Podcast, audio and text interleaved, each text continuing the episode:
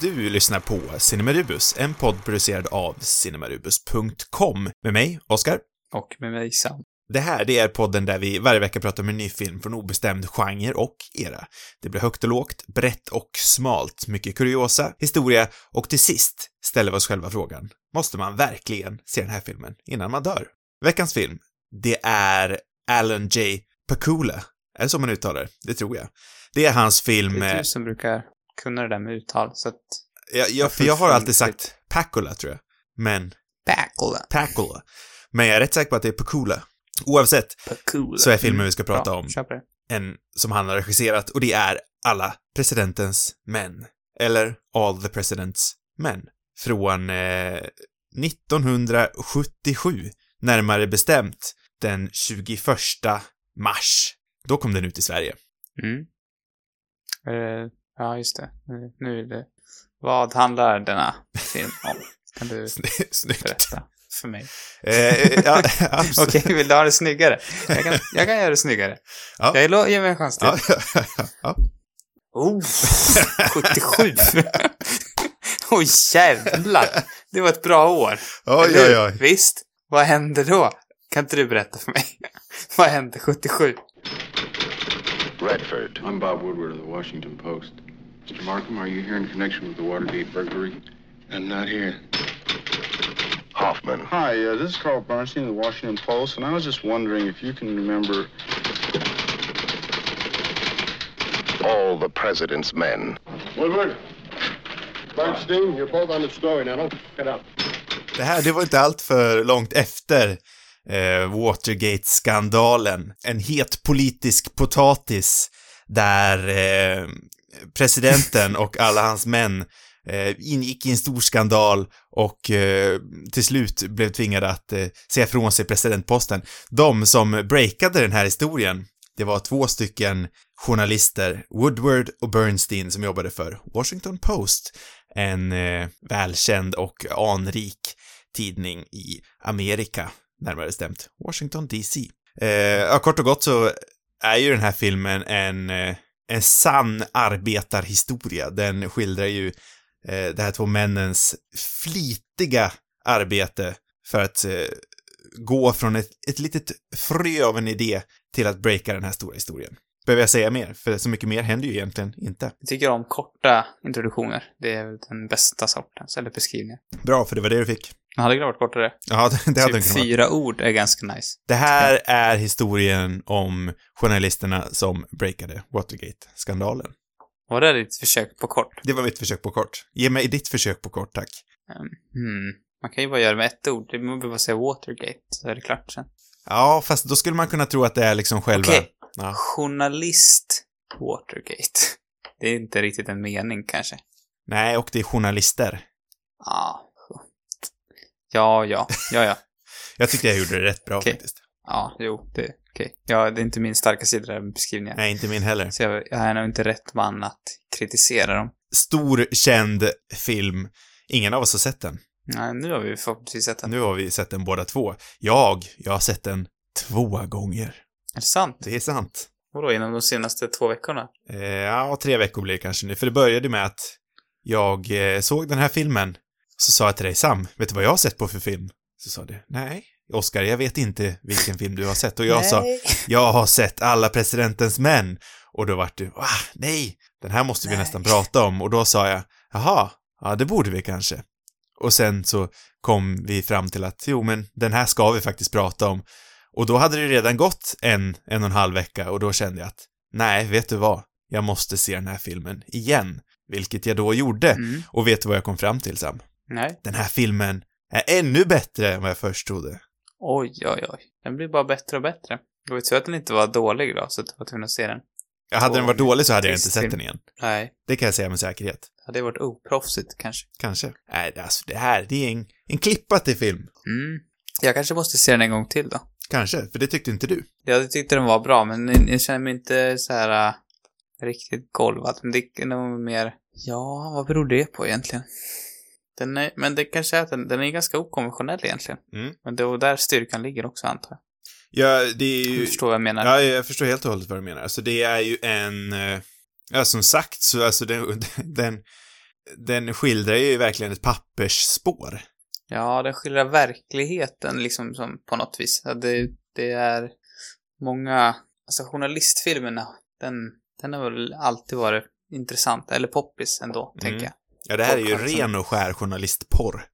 Ja, men precis. Men ofta så brukar de kanske byggas upp på ett lite mer så här traditionellt, alltså det brukar kanske inte alltid vara så här realistiskt, utan det är det som är, de är ofta anpassade för, för, för liksom, som till film, kanske mer än vad den här är. Den här känns mer rå, mer realistisk tycker jag, Mm. än många andra. Inte den här liksom perfekta storyn med, med en ty tydlig dramaturgisk kurva, utan den här, är- den här eh, är lite mera, ja, nej, Nå något sånt kan man Ja, väl säga. ja, och absolut var det det där första, eller det här du beskrev nyss, liksom den, eh, den kanske lite mer glorifierade versionen av journalistyrket, eh, yrket, det man förväntade sig. Absolut första gången var det så för mig. Mm. Robert Redford, eh, lite kul nog, han eh, kallar ju det här för en how done it istället för det klassiska begreppet who done it. Mhm. Eh, att den här filmen, eh, ja, som man hör, liksom helt och hållet ämnar att, att eh, skildra hur det här har hänt. För vilka alla presidentens män är, eh, vi, alltså det är viktigt att få reda på vilka de här männen är, men det absolut viktigaste är ju att få reda på hur de har gjort det.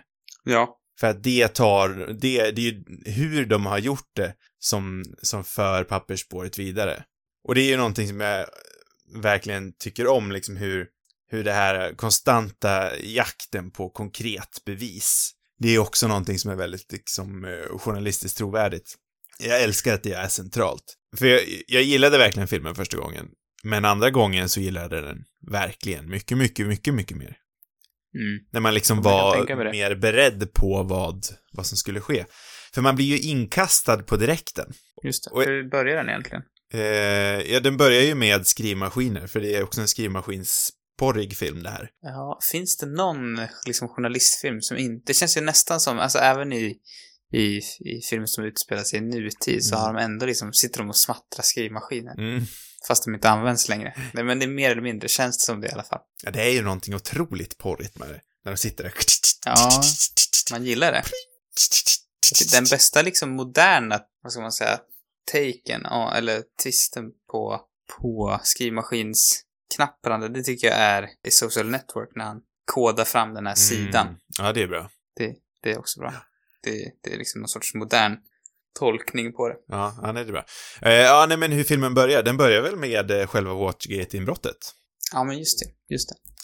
Eh, Det känns som att man har sett de där scenerna flera gånger om, fast jag inte har det, det tror jag. Men jag vet inte varför, men det känns otroligt bekant. Det är väl med i...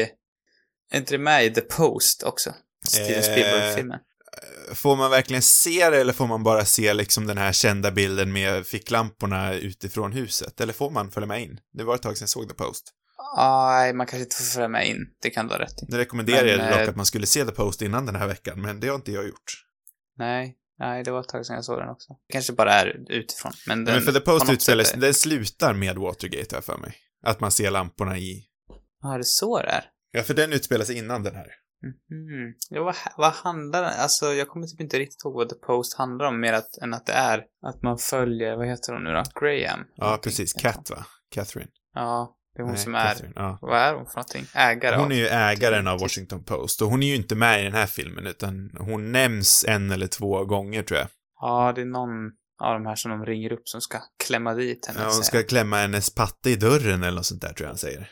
Det jävla grovt och oförskämt. Precis. Mm, nej men det, det, de var inte, de var, eller, Hon ville inte vara, hon, hon vill, hon var tveksam Nej. till att bli porträtterad i film. ja, hon var inte så förtjust överhuvudtaget att, i att den här filmen skulle göras tror jag, om jag förstått rätt. Hon var liksom rädd för att tidningen skulle, skulle porträtteras fel på något sätt eller liksom. De var, de var inne ett tag på om kan inte ge tidningen något annat namn, hitta på någonting Mm. istället. Lite roligt. K-Gram heter hon inte Cat Gram. Det borde vi bara Ja, rätta okej. ut. Rätta ut. Just det. Ja, ska vi förlåt. inte, ska vi inte gå in i, bara lite kort, kan inte du bara beskriva lite snabbt grunden i, i Watergate-skandalen? Vad det handlar om för någonting? Eh, ja, eh, det är ju en lång och invecklad affär och jag tror ju också, det kan jag komma in på sen i och för sig. Eh, nej men Watergate-skandalen är ju att att eh, Republikanerna då under ledning av Richard Nixon, eh, Den nuvarande presidenten. en gång till? Den dåvarande presidenten. Precis, dåvarande presidenten ja. Eh, alldeles innan hans andra mandatperiod som president så eh, blev, eh, var det fem män arresterade i, eh, Watergate-byggnaden som då var eh, Demokraternas högkvarter. Och deras mål var ju då att bugga det här stället, att göra en, någon slags avlyssning. Eh, men det var inte så mycket uppmärksamhet i media som eh, lades ner på det här, utan det sågs lite som en icke-grej.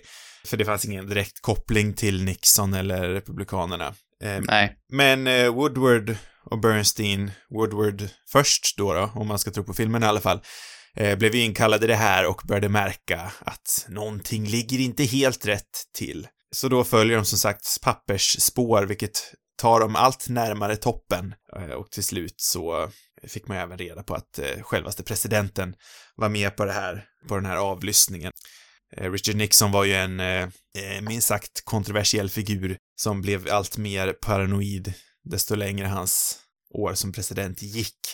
Han hade ju bland annat även avlyssningsmaskiner inne på sitt, ja, i det ovala rummet helt enkelt. Jo, han hade väl, det här var bara en av många grejer Exakt. han gjorde. Själva Watergate-skandalen grundar ju det att eh, Republikanerna eh, buggade eh, Demokraternas högkvarter i Washington. Ja. Det är där det börjar i alla fall och det är ju det den här filmen lägger sin grund.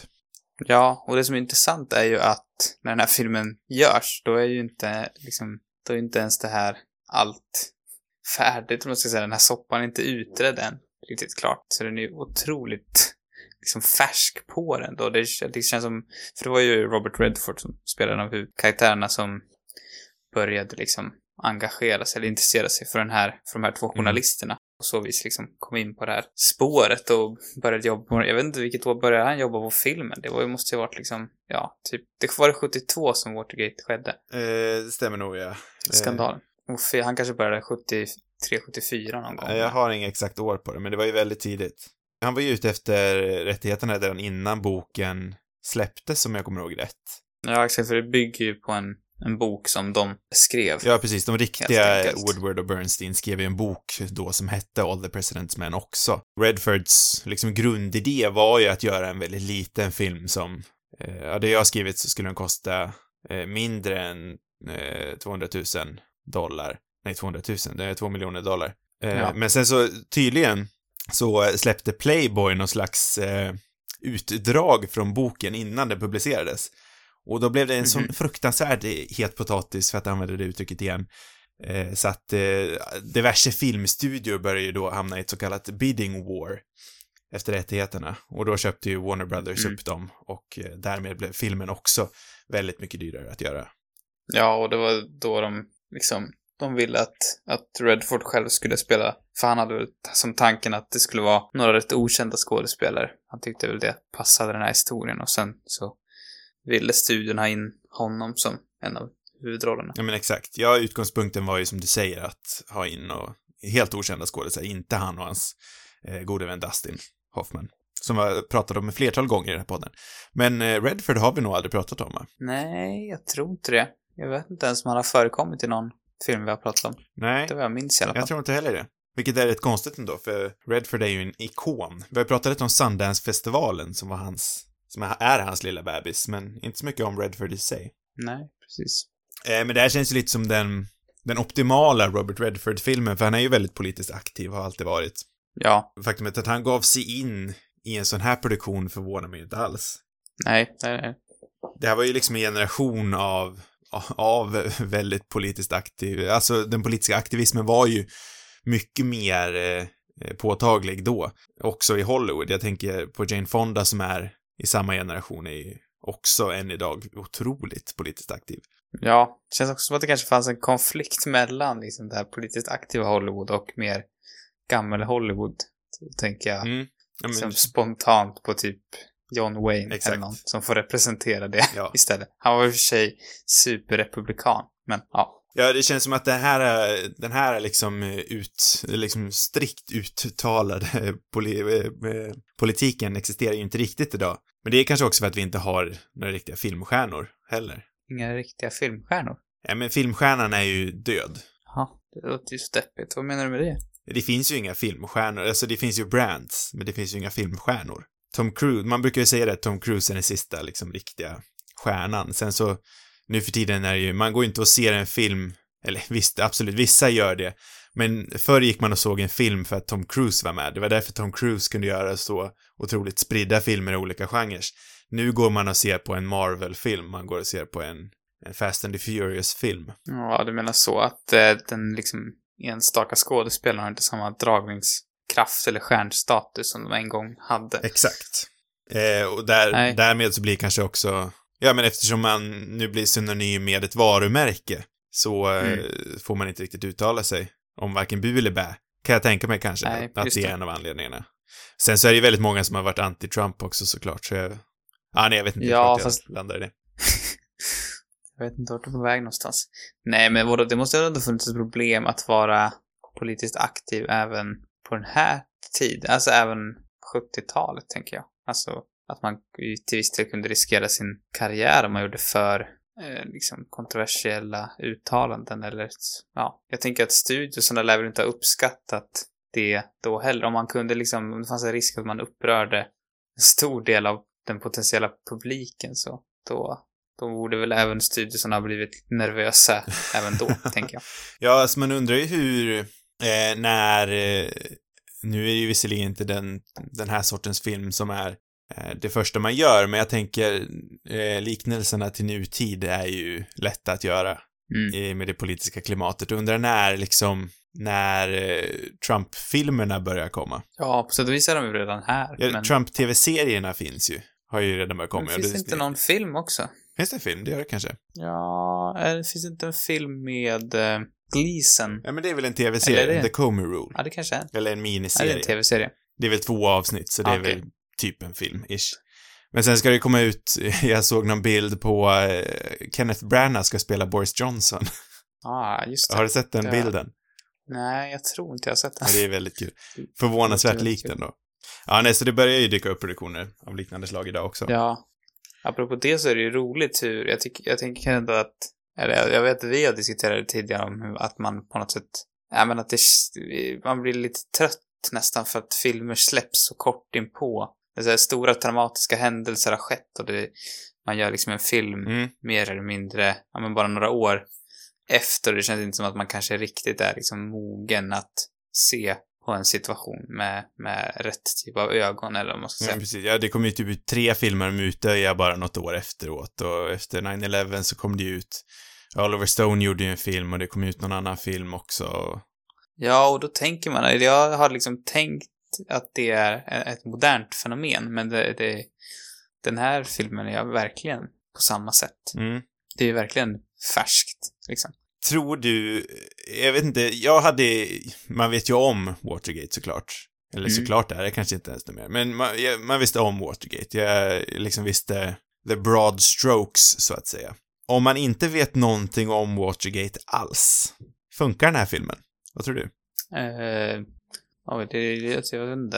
Det är lite svårt att svara på känner jag, men... Eh, För den etablerar ju själva rånet, som vi säger. Den börjar ju med, eller rånet är det inte, men inbrottet. mm, Den etablerar ju det redan från början, men den sätter... Eh, det känns ju rätt inkonsekvent, men det var väl kanske också för att hela världen tolkade det, själva liksom inbrottet, som in- inkonsekvent. mm. Hade inte Woodward och Bernstein varit där så hade ju inte, Wood, eh, så hade ju inte eh, Watergates setts som någonting ansenligt alls. Nej. Ja, ja, jag vet inte. Jag, vet, jag, jag har nästan svårt att se att den här filmen funkar, för jag tycker, som sagt, jag såg den, när jag såg den andra gången, då hade jag ju, jag gjorde det här beslutet att eh, innan jag ser på den en andra gång så gör jag all min research, så jag visste ju allting om filmen när jag såg den. Mm. Och jag tror kanske också att det är därför den funkade så jäkla mycket bättre andra gången. För då hade jag stenkoll på allt. Jo, det kanske tillför extra mycket. Jag tror Men jag tror det. nästan mest att det, att det är på något sätt kanske att, eh, jag menar att man känner till vilken typ av historia det är Mm. och eh, att den inte riktigt är det här, den här tradition, eller traditionell film i den bemärkelsen, utan att den är mer verklighetstrogen. Ja. Då, det tror jag. Ja, nej, för det är, det är ju Liksom verkligen nyckeln. liksom ingenting eh, spektakulärt liksom eh, actionmässigt i den här filmen, utan man går från telefonsamtal till besök hos någon de vill försöka få uppgifter från, till ett till telefonsamtal, till ett till möte med någon.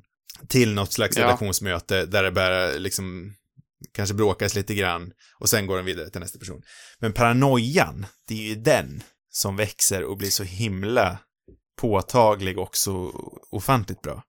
Ja, jo, det, den är ju verkligen fängslande. Och också de här liksom scenerna tycker jag, när de ska liksom luska ur sig, eller luska ur folk, få folk att börja Mm. prata helt Mm. enkelt. Den, liksom, min absoluta favoritscen är ju när Dustin Hoffman ska, eh, vad, är, vad är det hon heter? Var, inte- blev inte hon Oscars, vann inte hon en Oscar till och med för den här rollen? Tror jag. Hon kvinnan som han kommer hem till och börjar dricka massa kaffe. Ja, ja, ja, eller Hennes ja. syster bjuder på kaffe. Precis. Inte vän, vin, okej, Jane Alexander, hon var nominerad, inte en vinnare. Eh, den scenen, hur han liksom lirkar Mm. fram, eller liksom det bollspelet tycker jag är otroligt bra. Den är också så bra för att vi har ju redan varit där en gång som sagt. Vi återkommer ju till väldigt många vittnen. Ja, Eh, och liksom nöter ner allt mer, dels på samvetet, kanske mest på samvetet Ja. egentligen. Att man liksom, för de- de flesta vet ju ändå om att de har varit med i en mörkläggning som kanske inte alltid har varit så eh, antingen laglig eller moraliskt rättfärdig. Nej, det är både skräcken för, för Att bli påkommen. partiet, eller vad man ska säga. Mm. Att bli påkommen av, av, ja, liksom. Men också någon sorts skam Mm. kopplat till att man vet att man har varit delaktig i någonting som inte är riktigt rätt. Ja, nej, det är ju många möten här som är, eh, är liksom ikoniska. Eh, bland dem, inte minst, så är det ju Hal Holbrook som nyligen dog, eh, som spelar Deep Mm. Throat. Ja, Eh, exakt. Den här hemliga Källan. hemliga källan, ja. Som eh, bara för några år sedan, eller nu är det väl ett tag sedan vid det här laget. När var det? 2008? Jag vet inte. Någonting sånt, så kom det ju äntligen ut efter många, många år vem Deep Throat egentligen var.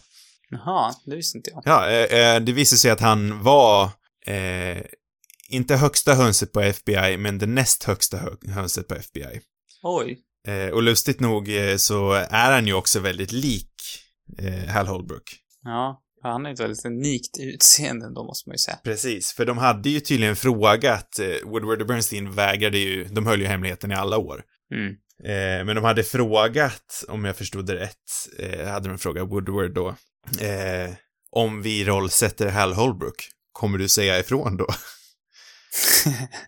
eh, och då hade ju han sagt nej. ja, det är komiskt. Eh, så, ja, därav kanske anledningen att han var så himla lik. Eh, Mark Felt hette Deep Throat egentligen.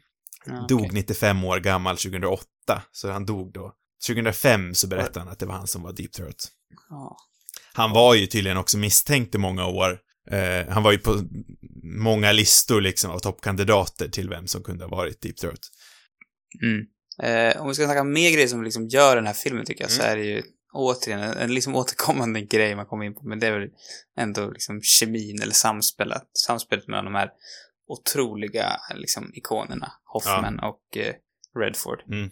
Eh, och det grundar sig också i liksom, för en av Redfords, det som gjorde honom lockad av den här, av de här två journalisterna var ju att Woodward och Bernstein var väldigt olika. Mm. Att det var liksom ett, ett under nästan till att de kunde samarbeta. Mm. Eh, den ena var liksom republikan och ganska, eh, jag vet inte, jag vet inte vad det var mer, eller alltså vad, vad var det mer han sa för? Jag kommer inte ihåg.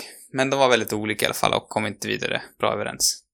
Och eh, de, två skådespelarna är ju också väldigt olika ändå. Redford känns ju mycket mer liksom, vad ska man säga, han är liksom så här, eh, inte, inte tråkig, men alltså han är mer liksom, lite mer stiff Mm. på något sätt. Lite, Stiff upper lip. här- Lite mer i, ja men ihållen av sig. Ja, exakt. Och eh, Hoffman är ju mer den där lilla kufen, liksom, Mm. på något sätt.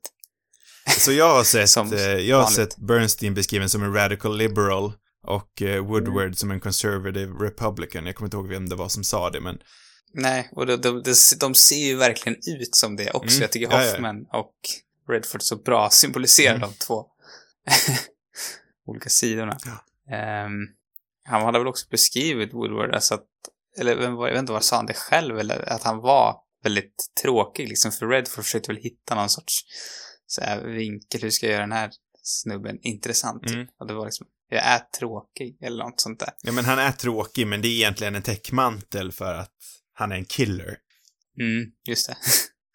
Det är, det är Ja. snyggt spelat ändå att, att eh, ha den här tråkigheten som någon slags, eh, jag menar att ha tråkigheten som text, men den här lönnmördaren som subtext. Det, det ger Mm. ändå rätt mycket att spela i det.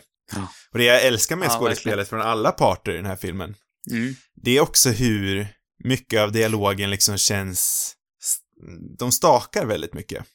Det är ofta Ja, det känns som att en replik kanske inte alltid gick hem. Jag tror många så här perfektionister hade bett om en omtagning, men ibland så säger de fel. Och jag vet inte om det är inplanerat eller om man har valt att behålla det. Jag vill, eller jag blir imponerad oavsett. Men jag vill liksom säga att man ofta liksom behöll första tagningen, även om man sa fel, så är man kvar i karaktär och rättar till sig. Ofta när, i en av mina favorit, favoritscener, eller min absoluta favoritscen, det är den här jättelånga Mm. tagningen när Redford sitter på telefon och försöker få tag på den här människan som Hoffman eh, luskade fram i Miami. Mm, just det. Eh, jag tror det är en sex minuters lång tagning eller något sånt där. Ja, okej. Eh, ne- när eh, Redford sitter i telefon och pratar. Han hoppar mellan två olika samtal och så råkar han säga fel namn en gång. Eh, och så rättar han till sig. Och eh, det känns, som, det känns så otroligt naturligt. Det kan bara vara briljant skådespel. Eller så råkade han säga fel. Men det, det händer så ofta genom filmen och det ger en sån otrolig eh, trovärdighet. Det känns nästan som att det här har hänt på riktigt. Eller som att vi filmar verkliga Ja. händelser. En annan metod de använde sig av var väl att, eller som hade kommit överens, Hoffman och Redford, var att de skulle lära sig varandras eh, manus. Mm. Så att de båda kunde det liksom utan till och på så vis kunde de avbryta varandra hela tiden och, och på så vis få fram liksom en mer realistisk dialog. Och jag tror, eh, ja men, det är ganska mycket improvisation i vissa scener också. Det jag hörde Hoffman prata om till exempel. Mm. Nej men det är, det är, det är mycket liksom där, där trovärdigheten ligger tycker jag.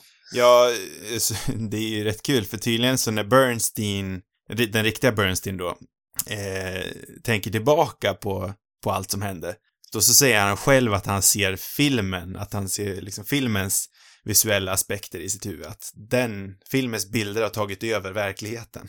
Mm. Jag vet inte hur sant det är eller om det bara är påmålat. Eh, jag skulle vilja prata lite om regin. Mm. För det krävs ju ändå någon rätt eh, skicklig för att eh, få det här liksom pappersspåret att bli spännande och eh, konstant visuellt intressant. Mm. Och han gör ju väldigt mycket, Alan J. Pakula här, för att hålla uppmärksamheten och alltid trigga igång det visuella sinnet.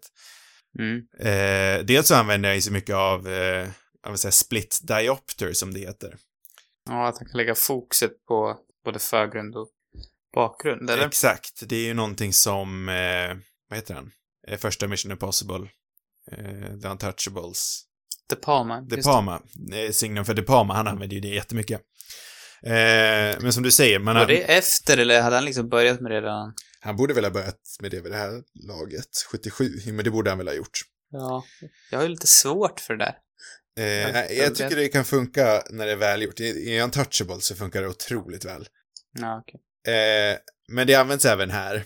Bland annat då i den här sex minuters tagningen som jag pratade om. Dels för att man ska få in liksom Woodwards totala fokus, för han sitter där och, och skriver sin story och smattrar på skrivmaskinen Mm. samtidigt som någonting händer på tvn, någonting med valet händer på tvn. Så hela hans, all, hela liksom journaliststyrkan, hela redak- redaktionen sitter och kollar på tv.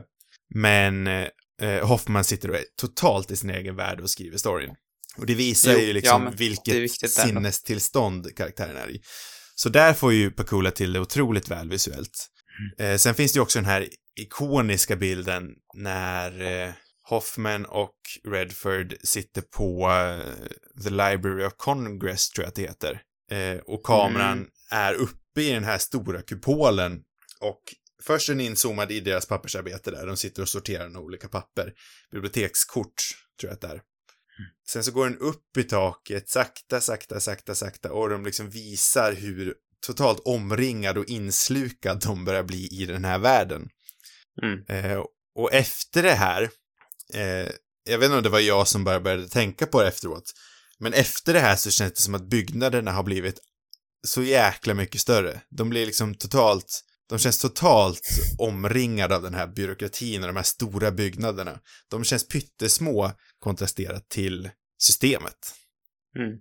Eh, utan de är inte liksom de stora pampiga journalisterna mer, utan de är så små som försöker ta sig an den här stora, vida världen. Ja, ja. Jag vet inte om det är ett medvetet visuellt val, men det känns så i alla fall. Ja, men det, det kan det säkert vara. Det känns som att hela tiden den här filmen spelar på det där liksom mänskliga i dem och hur, hur tufft det ändå liksom var att ta sig an Nixon och hela hans gäng liksom. Det, Det tror jag. det jag kan störa mig på, det är en liten, liten petitess, men i den här, du vet den här scenen när de zoomar upp.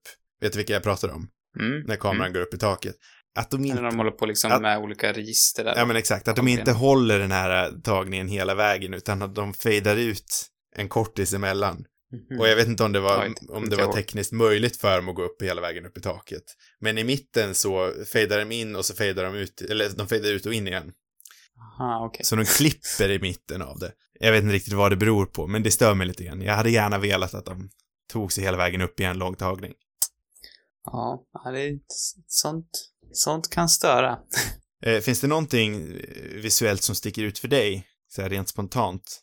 Kanske inte, jag tror inte jag reflekterar, men jag, jag, förstår liksom det här greppet med att ha dubbla fokuset. Jag tycker det är ju väldigt effektivt, Mm. som du berättade i den här scenen, när man liksom får följa både vad som händer på redaktionen bakom och vad som händer i, i förgrunden. Det är mer bara att det är något, jag vet inte, det, jag inte riktigt gillar det på något sätt.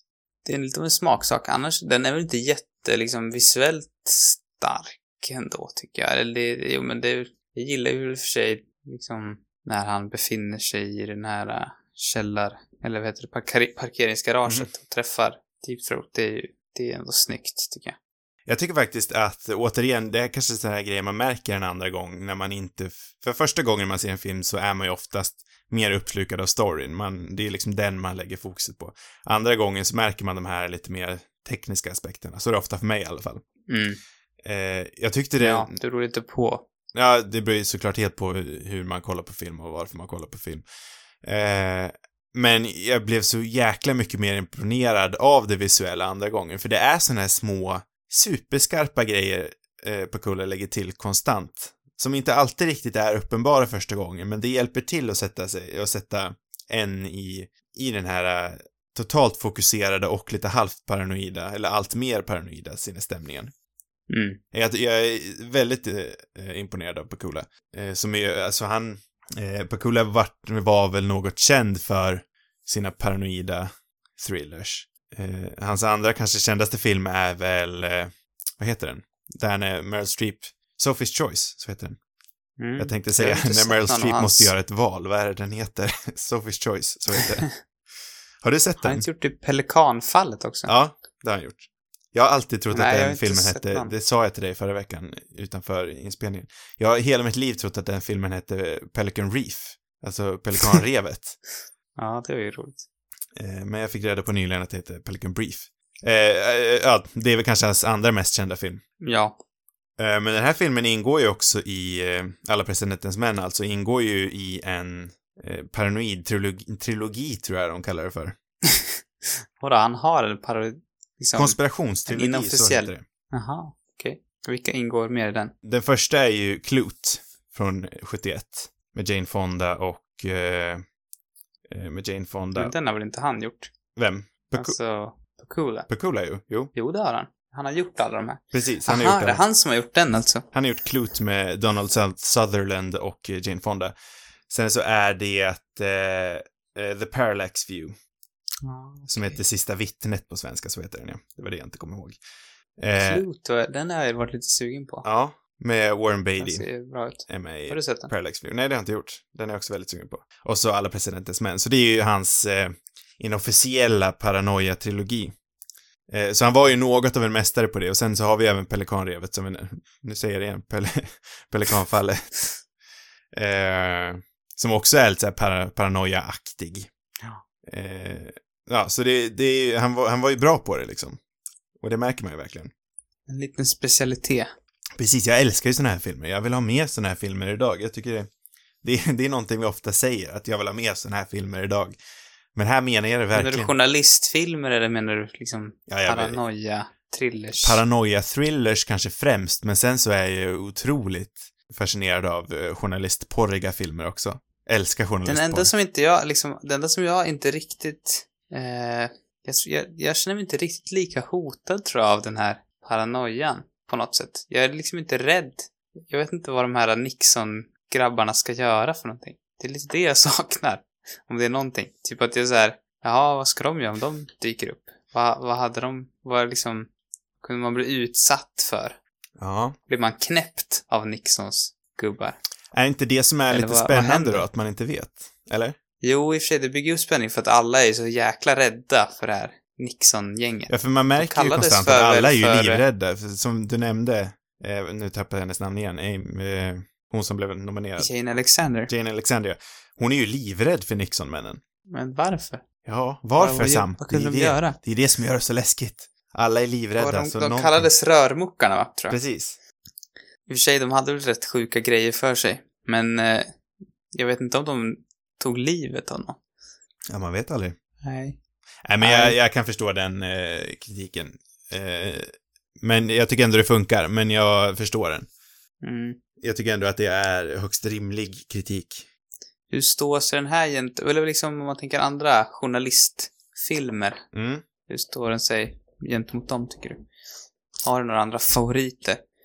Eh, jo, men jag tycker ändå att det här är nog den bästa jag har sett faktiskt. Mm. Eh, jag tycker den här är väldigt bra. Sen nu, The Post är väl det uppenbaraste exemplet att likna den med. Ja, det, och det är ju väldigt liksom, den är ju, jag tycker den är, det är en riktigt bra film, Ja. men den är ju verkligen mer film-film. Precis. Alltså, den känns ju inte kanske så realistisk, utan det är mer liksom, Svepande musik och eh, väldigt glorifierande. ja men det bygger upp liksom och det är så här, det är en stor showdown på Mm. något sätt då. Sen skulle vi kunna komma in Ja. på, nu när vi pratar om journalistfilmer, eh, så skulle vi kunna prata om min eh, veckans rekommendation. Mm. Jag har två stycken den här veckan. Eh, den, vi, kan, vi kan börja med filmen, för jag har faktiskt någonting Mm. som inte är en film också. Eh, Mm. Och det är väl en film som jag egentligen inte tycker är liksom klockren. Nej. Eh, men den har blivit eh, lite relevant har jag sett. För att eh, Sveriges kanske största YouTuber, eller en av de största i alla fall, Therese Lindgren, pratade om eh, bordellmamman för några veckor sedan såg jag. Och jag såg att det blev, att folk började återupptäcka det. Har du sett på filmen Call Girl? Mm. Det är är ju en film som kanske inte riktigt är eh, liksom hundraprocentigt klockren, men den är väldigt bra. Den är ambitiös, otroligt snygg. Ja. Eh, och fascinerande kanske främst. Och den eh, skildrar ju eh, en av kanske Sveriges största politiska skandaler. Stopp här bara, vad jäkla oväntat att Therese Lindgren tar upp, nu jag vet nästan ingenting om henne men vad, vad sa hon om bordellmam? Det var väldigt spännande. Nej, jag, jag, jag kollar inte på för videon, om jag ska vara ärlig. Okej. Men jag vet att hon har någon slags koncept som jag tycker är väldigt konstigt om jag får rikta lite kritik. Att hon sitter liksom och sminkar sig samtidigt som hon tar upp, undrar om det är konspirationsgrejer hon tar upp kanske. Ja, okej. Eh, Ja, det är intressant. men det känns väldigt intressant konstigt att hon sitter där och sminkar sig liksom och håller på samtidigt som hon pratar om rätt seriösa grejer. Men eh, alltså, heder och respekt om, om att ta upp liksom intressanta och eh, eh, fördjupande ämnen till en eh, yngre publik. Mm. Det beror lite på vad det är för sorts Sen kan jag väl kanske, nu som sagt, konspirationsteorier som, också. som sagt, ja, det kan vara farligt med konspirationsteorier också. Ja, Eh, ja. men som sagt kanske känns lite opassande att sitta och snacka om, om eh, prostitution och bordell medans, bordeller medan man sitter och applicerar highlighter och mascara och massa sånt där. Som Det tycker du? Kanske, som det sagt, det kanske är rätt. jättepassande i videon. Det är, jag ska inte uttala mig mer om det. Men, Call Girl. Eh, otroligt snyggt filmad av Hoyte, von Hoytema. Ja. Eh, snygg liksom 70-talsskildring måste jag ändå säga. ja, men de har varit smarta där, tycker jag. Det, de har liksom, jag vet inte. De, det känns verkligt. Jag tror att det är samma, vad heter han, regissören som Ja, det är det jag inte kommer ihåg, men han gjorde ju den här Gentleman också. Ja, men framför allt så gjorde han eh, den här tv-serien som jag såg eh, nu i höstas, den här svenska krimin... Ja, Jakten på en mördare som var jäkligt bra. Eh, eller jäkligt bra, men det var en riktigt bra serie och den var ju väldigt trovärdig och en väldigt trovärdig eh, 80-90-talsskildring är väl det framför allt. Men eh, han är, känns som han är duktig på att liksom få, många svenska filmer har liksom sällan riktigt budgeten eller, eller kanske framförallt finessen för att göra en trovärdig dåtidsskildring. Men jag tycker verkligen att han lyckas. Mm. Mikael Marcimain heter han. Så heter han, ja. Eh, sen så kopplar den även tillbaka till Pernilla August i en briljant rollsättning, för vi snackade om henne som liksom Sveriges, Sveriges mamma och supermysig förra veckan. Och att sätta henne i Mm. den här bordellmamma-rollen är ju klockrent. Ja, det är en bra roll. Det är väldigt bra casting. Sen Sofia Ja, Karemyr också som är en eh, star on the rise, som är väldigt bra i hennes första roll tror jag. Som vi ser i eh, Älska mig och eh, Partisan senast också, bland annat. Ja, just det. Hon är också med i den, ja. Jag tror det var hennes första Det roll. hade jag glömt bort. Eh, men som sagt, jag ja. tycker att den är, den är lite spretig i sitt perspektiv. Den, vet inte, den har ju otroligt många karaktärer. Vi följer polis, vi följer de här flickorna, vi följer Mm politiker, vi följer eh, David Densik som är någon slags eh, cover-up, eh, ja, någon slags andra hand till polisen. Ja, vi följer massa, eh, eller till politikerna. Vi följer massa perspektiv. Och kanske hade den, det hade gjorts gott om den följde en klarare linje kanske. Den eh, tar väldigt mycket inspiration av Oliver Stone, tänker jag, i ja, typ JFK-aktigt. Men också den här filmen skulle jag säga, Alla presidentens män. Mm. Det är en spännande visning, om något. Intressant. Ja. Eh, men det, den, den filmen använder ju inte heller riktiga namn, utan den fiktionaliserar det hela. Eh, om jag får gå in på min andra rekommendation som inte fiktionaliserar något, men som också täcker en stor svensk skandal och eh, politisk cover-up, så kan jag rekommendera eh, boken Saudivapen av Bo-Göran Bodin och eh, Daniel Öhman, som är Ekot, eh, eller Sveriges Radio-reportrar Mm. eh, som eh, ja, uppdagade en stor politisk cover-up om, om en vapenfabrik i Saudiarabien. Väldigt bra Ja. bok. Den eh, boken liknar faktiskt eh, eh, Alla presidentens män till viss del för den eh, förmedlar också den här paranoian, eh, den här eh, jakten på tro, konstant eh, jakt på trovärdighet som är väldigt Mm. snyggt. Det skulle vi kunna gå in på i den här filmen också, att, eh, för det för oss ju in lite på den här redaktionssidan av det hela som vi inte riktigt har pratat om än. Nej, nej exakt.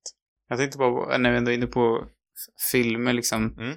eller liknande filmer. Det är svårt att inte, alltså man, jag, man tänker ju spontant på typ Spotlight till exempel, en, en ganska bortglömd Oscarsvinnare. Mm, Eh, Väldigt bra. ja, den var ju riktigt bra, som Mm. jag minns det.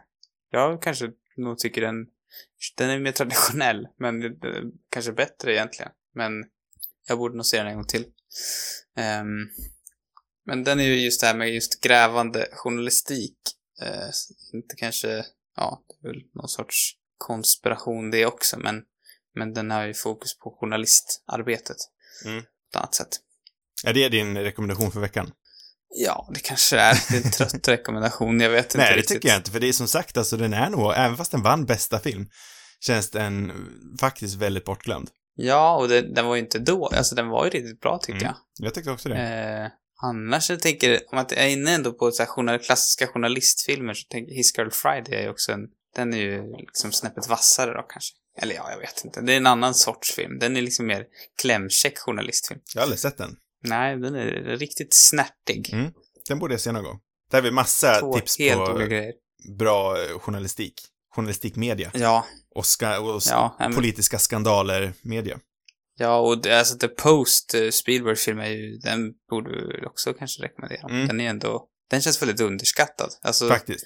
Ja, den blev ju ändå rätt liksom eh, förbisedd när Ja. den kom ut, som en medioker Spielberg-film, men det tycker jag verkligen inte att det är. nej, det är en av de, mina, de bättre, eller jag, är en av mina favoriter som han gjort faktiskt. Mm. På något konstigt sätt. Kanske för att jag inte väntade mig så mycket. Jag vet inte, men den tyckte den var väldigt trevlig. Ja, jag På något sätt känns super. ju Spotlight också underskattad fast den vann en Oscar. Det kändes som att det var många som, eller ja, nej det kanske inte var. Det känns bara som att den har blivit oförtjänt bortglömd. Eller så var den lätt att glömma också kanske. Jag kommer inte ihåg jättemycket ifrån om jag ska vara ärlig så det är oklart. Nej, jag tycker den, jag håller med, jag tycker den är jättebra. Mm. Eh, ska vi men prata lite om-. Eh, redaktionssidan innan vi avbryter. Ja. Eh, för vi har ju pratat om eh, hennes namn Det är det mest lättglömda namnet i världen, tror jag. Jane Alexander. Otroligt mediokert namn, om jag får uttrycka det så. Bort. Ganska stiligt ändå. Ja, men det, det är inget så här utstickande. Det är två rätt liksom neutrala namn. Så det försvinner lätt ur minnet, i alla fall för mig. Eh, hon Mm. blev Oscarsnominerad. Någon som vann sin Oscar, det är ju Robards. Just ja. Eh, Jason Robards. Eh, Mm. Vann ju sin Oscar mot eh, bland annat Burgess Meredith i, i Rocky. Vilket eh, kanske är lite av en skandal. Också mot, eh, mot han den andra i Rocky. Som jag inte heller kommer ihåg men Robert spelar ju rollen som Tom Hanks. Vi kopplar mycket till The Post, men jag kan ändå tänka mig att många har sett The Post, så det är kanske kul att koppla till den. Men han spelar ju Ben Bradley, som då är chefsredaktören för The Post. Eller Washington Är Post. det det Tom Hanks gör? Ja, han spelar samma karaktär som Jason Robards.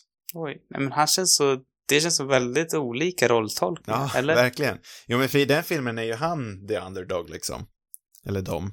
Ja, just det. Och här Det är är ju han den här eh, som har sån ofantlig respekt. Mm. För det finns ju en scen där han, eh, eh, Robards liksom kollar ner, han ger bara en blick till Bernstein. Och eh, Hoffman då som är så otroligt ettrig och på liksom, han tystar ner på en gång och det visar vilken ofantlig respekt man har för, eh, eller vilken ofantlig utstrålning som Robards egentligen har. Kanske mest. Han spelar också den här klassiska liksom, redaktören som hör hemma i alla, alla journalistfilmer. Mm. Vad är det hans klassiska replik? Vad är det han säger för någonting? På slutet där tänker du? Det är, nej, alltså han säger det hela tiden, typ. Alltså det är någon, det är någonting han säger som sådana här redaktörer, som de alltid säger. Ja, filmer. men what's the story, eller vad? Ja, det kanske är det han säger. Jag vet inte. Ja, men för det är det... Men det var någonting om att, att han inte, att han liksom säger, han undrade sen när han skulle ta sig an rollen liksom. Vad, hur ska, eller vad var det då? Eller liksom han, han är, det är väl någon som sa att han hade förmåga att säga den repliken på en, ja, hundra olika sätt. Typ. Jaha, nej, det har jag faktiskt inte hört. Det är kanske är en annan replik. Strunt samma. Ja, för det är kul också för Robards, eh, innan han eh, tog sig an den här rollen som han kanske inte riktigt var så sugen på. Eh, Nej. han, det här vart ju lite av en comeback-film för honom. För han var ju, Det kanske var just därför han inte var så sugen. För att det var liksom en... Eh, att säga, vad ska man göra i den här rollen? Man, det, det enda man säger är What's the story? Ja, eller exakt, vad det nu ja. var för någonting. nej men för han hade ju tydligen eh, lite problem med, med drickan, till exempel, och var på en low point i sin karriär. Eh, men sen som sagt, när han väl valde att ta sig an den här rollen, vilket skulle, så in någon annans händer så ser jag absolut att det här är en taktlös roll. Mm. Eh, men han gör någonting med det. För man, han, ja, han är det var väl det de var inne på kanske, att han lyckades liksom få den här ganska ja, men, klassiska eller traditionella rollen till någonting mer. Mm. För han är ju stenhård och man blir ju rädd för honom, men man vet också att när man har hans respekt, alltså om man förtjänar hans respekt, då, då, då finns det knappt något bättre. Han är ju en sån där människa man Mm. bara vill, man bara vill liksom ha hans respekt. Eh, Men vi är också inne på det här med What's the story, alltså det, det visar ju också hur, hur den här filmen liksom ämnar väldigt mycket att vara verklighetstrogen till journalistyrket. Alltså, man måste, alltså de, de har ju alltid en story, men det är inte alltid, eller de är ju någonting på spåren liksom, men det måste ju också finnas någonting av värde där i. Ja. Och jag tänker, eh, den första, jag älskar också den första scenen mellan Hoffman och, eh, eh Hoffman och eh, Redford. När eh, Hoffman snor Redfords artikel och så skriver han till den, liksom, han rättar till den. Jag älskar det här liksom hur, hur en artikel kan se så ofantligt annorlunda ut beroende på vem som skriver den. Vad man måste ha först, liksom, man måste nämna att eh, det här tidigt för att fånga intresset. Om du inte nämner att han jobbar med den, ja men då kan det tolkas på det viset. Nej, jag tycker det är jättekul. Mm. Eh, också är det väldigt kul sen på i slutet hur, hur eh, Woodward och Bernstein nästan flippar. För Woodward, som vi nämnde tidigare, är ju den som har varit, eh, ja men den tråkiga, liksom regelrätte. Det är han som alltid har sagt att vi måste ha, vi måste ha konkret bevis, vi måste kunna bevisa det här, vi måste ha en källa. Vi kan inte bara eh, eh, liksom ponera, alltså antagligen att de har rätt, men vi måste kunna sätta ett bevis på det. Vi Mm. måste ha en säker källa. I slutet så flippar de nästan, att då börjar Woodward köra de här antag, alltså köra mer på antaganden. Och då kommer Bernstein in och säger liksom nej, vi måste ha bevis. Ja, just det. Bara en liten rolig liksom, de har ju, de har, den är inte jättetydlig, men båda de här karaktärerna har ändå en ark genom filmen. Det, Ja. det är mycket som är ja, snyggt. det stämmer. Som Mm. sagt är det ju ren journalistporr det här. Ja, men det skadar väl inte. Och jag fetischerar ju journalistyrket något otroligt. Så för mig, den här Ja. filmen känns liksom som, som gjord för mig nästan. Det är, det är en subtil men väldigt, väldigt välgjord film det här. Oh ja. Eh, har vi någonting mer att prata om? Vi kan återinföra en, en gammal punkt. Eh, lika som bär, kallar den. ja. Ehm, nej men, är inte Robert Redford väldigt lik eh, Brad Pitt? Jo, jo. Det är ju inte den första som har, har kopplat tror jag. Nej, nej det, det förstår jag nästan. För att han är liksom för lik för att Ja. jag skulle kunna vara först med att tänka den tanken. Men det bara, det liksom slog mig hur mycket Redford ändå är den tidens Brad Pitt. Mm. På alla sätt och vis egentligen. Han har liksom exakt samma typ av energi tycker Mm. jag. Och han är ju, det är ju en ofantligt stilig karl. Ja, men inte bara att han är stilig, han, han, han har en närvaro Ja. som är Är, jag älskar Redford. seriöst och liksom lite ståtligt över hans närvaro. Och han är ju väldigt mycket liksom the straight guy. Eller han är liksom, ja, jag vet inte. Mm. Väldigt mycket vad Brad Pitt har varit sen. Och de är dessutom ändå ganska lika varandra också, rent visuellt. Ja, de har väl gjort någon film ihop. Undrar om det var någon, eh, någon Scott-film. Inte Ridley Scott, Mm. utan en Tony Scott-film tror jag att de har gjort ihop. Han, hade ju varit perfekt att spela, de skulle kunna, har de spelat liksom far och son då alltså? Ja, det vet jag inte om det var, men de var med i samma film. Eller kanske yngre version av varandra eller någonting. Mm. Det känns också som att Brad Pitt har blivit mer och mer lik eh, Redford med, alltså Mm. typ, för att alltså när han var yngre, Brad Pitt, så var han ganska gänglig, Mm. liksom smal och jag tänker man går så långt tillbaka som Thelma Louise, där är han ju väldigt så här, tjej så är han ju väldigt ung också, så det kanske inte är så konstigt, men han har liksom, när han har blivit mer etablerad och ja, mer under den senare, senare, senaste tio åren, då känns han ännu mer Robert Redford på Mm. något sätt. Ja, nej, men och, och eh, också liksom hur bra han är, har varit för, för, eh, för filmmediet att liksom få ut bra seriös film. Men det har vi redan pratat väldigt mycket om i The Assassination of eh, Jesse James-podden. Pratar vi om. Hans roll som Mm. producent i Hollywood. Mm. Där kan man ju också jämföra väldigt mycket med Redford. Ja, exakt. Sam, har du bestämt en film till nästa vecka? Nu, lugn i stormen. Du har inte ställt den eh, viktiga frågan. Fan, jag glö- tänk att jag alltid glömmer den. Måste man se den här filmjäveln innan man dör? Nej. Ja, det är frågan. Det kan väl du svara på först, tycker jag, den här veckan. Känns som att du har, det känns säkert. Jag kan nästan tippa vad du kommer svara. Det var ett tag sedan svara ja. och jag kommer säga ja. Äh, vad, Du säger ju alltid ja. Nej, nu var Varje det rätt länge sedan. Ja, ja. ja, det har varit så mycket dåliga filmer då kanske. Ja, dåliga skulle jag nog inte säga, men inte... Inte starka nog. Nej, precis. Ja, eh, jag måste nog kanske se den här filmen, som du hör med min gäspning där, jag kanske måste se den här filmen en gång till för att inse att den ska vara på den listan. Eller, jag vet inte, jag borde väl egentligen, borde egentligen. Allt med Dustin Hoffman borde vara med på den här listan tycker jag. Ja.